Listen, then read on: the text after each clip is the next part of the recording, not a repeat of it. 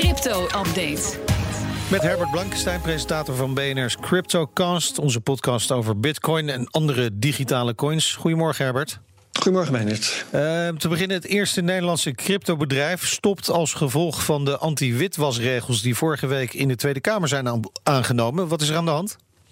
Uh, CoinGarden is het bedrijf dat stopt. Uh, ze bieden aan hun klanten hun geld terug te geven dat ze bij hun hebben belegd in, in coins.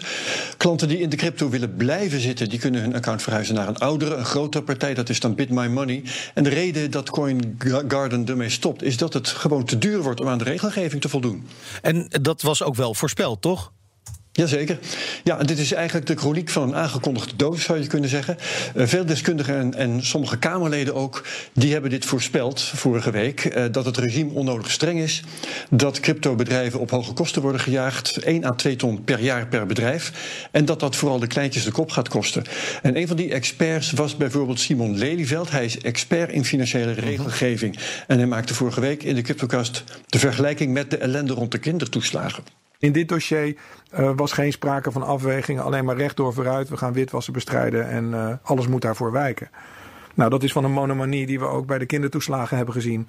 Uh, en dat is een monomanie die niet goed is voor een samenleving. Alleen dat ontdekken we pas over zeven jaar. Dat is jammer. Tja, stevige kritiek uh, in elk geval, Herbert. Ja. Zeker. Uh, gaan we naar iets anders. Nike krijgt patent op blockchain schoenen. Dat is een grap zeker, of niet? nee, nee. Het is patentnummer, let op, 105052726. Kun je gewoon nakijken bij het Amerikaanse patentbureau. Ik heb het gelezen. en er is ook al een naam voor bedacht. Ze heten de Crypto Kicks. Crypto kicks, ja. Maar wat, wat moet ik... Dat, kicks zijn uh, voetbalschoenen. Wat moet ik me zoiets ook voorstellen bij de blockchain schoen? Ja, het zijn geloof ik renschoenen. Oh, Tenminste, dat, dat stellen ze zich erbij voor. Hè. Maar dat worden dan schoenen met een echtheidsgarantie. Daar is blockchain goed voor.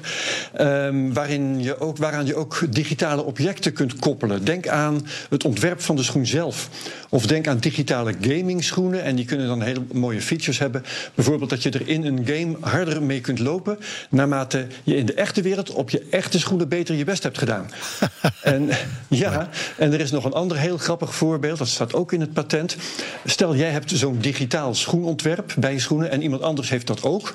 Dan kun je die digitale schoenen met elkaar laten paren. En dat levert dan geen schoenenporno op, maar wel schoenen nakomelingen. Dus een tweede generatie. Wat geest. Nou ja, die je dan ook weer echt kunt laten maken. Nee, maar uh, echt waar. Uh, wat in zo'n patent staat, dat wordt niet altijd een product. Hè? Dus nee, je kunt niet meteen op je oude sloffen naar de winkel rennen, want daar ligt het nog niet. Nee, maar het zou in de toekomst misschien wel interessant kunnen zijn om uh, namaak te voorkomen, natuurlijk, uit uh, goedkope ja, landen. Dat is een van de gedachten. Ja, precies.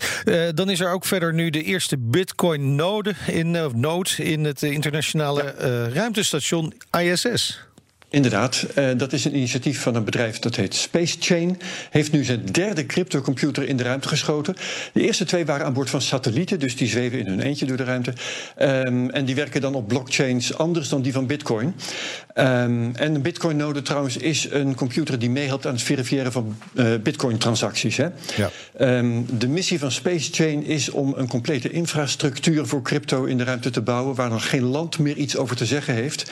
Dus uh, lekker autonoom. Ja. En die ook veel moeilijker te hacken is dan op aarde. En ze willen in de komende anderhalf jaar nog zeker twee van die crypto-satellieten gaan lanceren. Goed, wat zit er in de CryptoCast deze week, Herbert? Dat is Jacob Boersma van Deloitte. Die gaat de blockchain-activiteiten van Deloitte uitleggen. Ik geef je één voorbeeld. Ze verkopen een oplossing die heet Blockchain in a Box. Dus nu kunnen we eindelijk eens horen uh, over Thinking Inside the Box in de CryptoCast. Morgen, eind van de middag, is dat beschikbaar. We gaan zeker luisteren. Dankjewel, Herbert Blankenstein, presentator van BNR's CryptoCast.